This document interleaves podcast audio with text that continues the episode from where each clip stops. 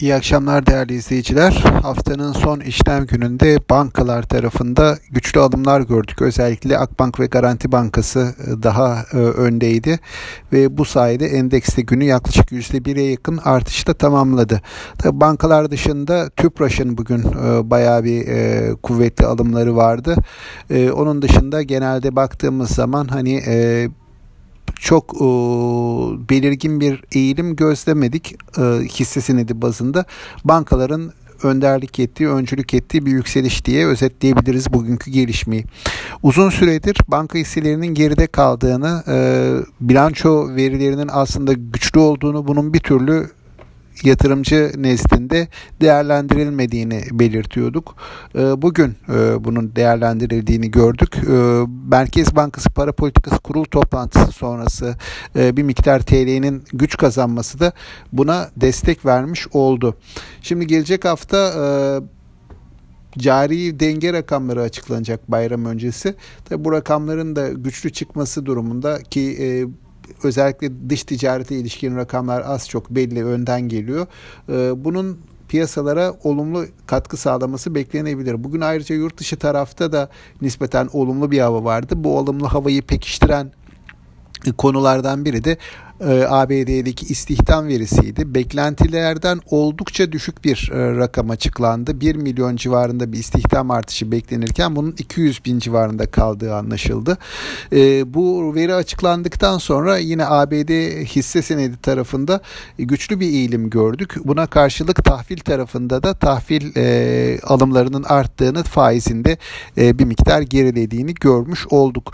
Ancak piyasalar bir yandan hani bunun ne şekilde değer değerlendirdiler diye baktığımızda bu ABD'den gelen istihdam verisini hani tapering dediğimiz bu parasal e, daralmanın kısa vadede olmayacağı konusunda bir garanti olarak gördüler ilk aşamada ve bunun alımı gerçekleşti. Ama diğer taraftan orta ve uzun vadede hani istihdamın artışının beklenenin bu kadar geride kalması şöyle de değerlendirilebilir. Hani o kadar parasal genişleme yapıldı. Bunun ekonomi üzerindeki katkısı e, nispeten zayıf kaldı şeklinde de değerlendirilebilir. Bardağın boş tarafından bakmak da gerekirse eğer.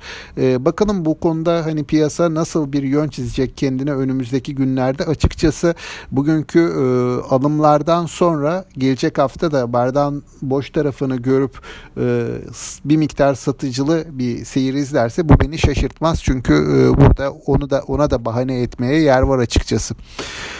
Bizim piyasada e, gelecek hafta içerisinde yurt dışı taraftan etkilenecektir. E, kısa bir e, borsa seansı yaşayacağız gelecek hafta. Bayram tatilimiz nedeniyle çarşamba günü öğleden sonra e, borsa kapalı olacak. Dolayısıyla bu arada kalan iki buçuk günlük sürede de yurt dışı piyasaların etkili olacağını tahmin ediyorum. Yine yurt için tarafta da az önce belirttiğim cari denge rakamlarının e, önem kazanabileceğini düşünüyorum. Ben bankalar tarafında olumluyum. Yani bankalarda yukarı potansiyel var. Bunun önündeki engellerden birisi e, tahvil faizlerinin şu anda yüksek seviyelerde olması ve halen daha kur üzerindeki o dengesizliğin, belirsizliğin giderilememiş olması. Bu anlamda e, kur tarafında piyasanın güveni yerine gelmeye başladıkça ki şu an itibariyle 8.23 seviyesinde TL dolar kuru bu hatırlayacaksınız e, PPK toplantısı öncesi 8.30'ların üzerindeydi. 8.32'ler civarındaydı. Buradaki e, kazanımlar TL'nin güç kazanması öncelikle mali sektör hisselerine destek verir diye tahmin ediyorum ve burada da bankalar başta geliyor.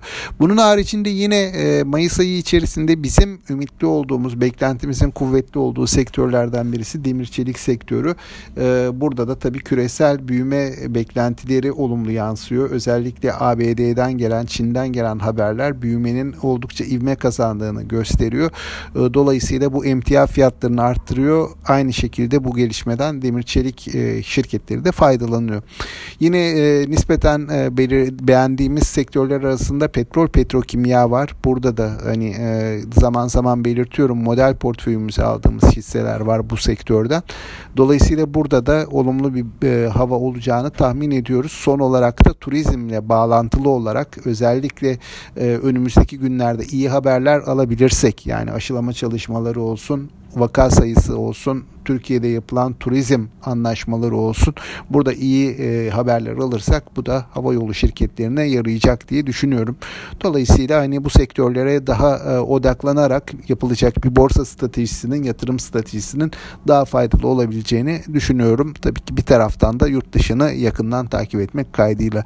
E, haftayı iyi bir seviyede bitiriyoruz. Bu hafta borsa yatırımcısına kazandırdı. Özellikle uzun süredir geride kalan ve e, sıkıntı duyan banka hissedarları, banka e, yatırımcıları, banka hisse senetlerindeki yatırımcılar bu hafta iyi geçirdiler. E, son iki gün e, güçlüydü bankalarda. Bakalım gelecek hafta bizlere neler gösterecek. Onu da gelecek hafta pazartesi günü değerlendirmek üzere. İyi hafta sonları diliyorum. Sağlıklı, bol, bereketli, kazançlı günler diliyorum. İyi akşamlar.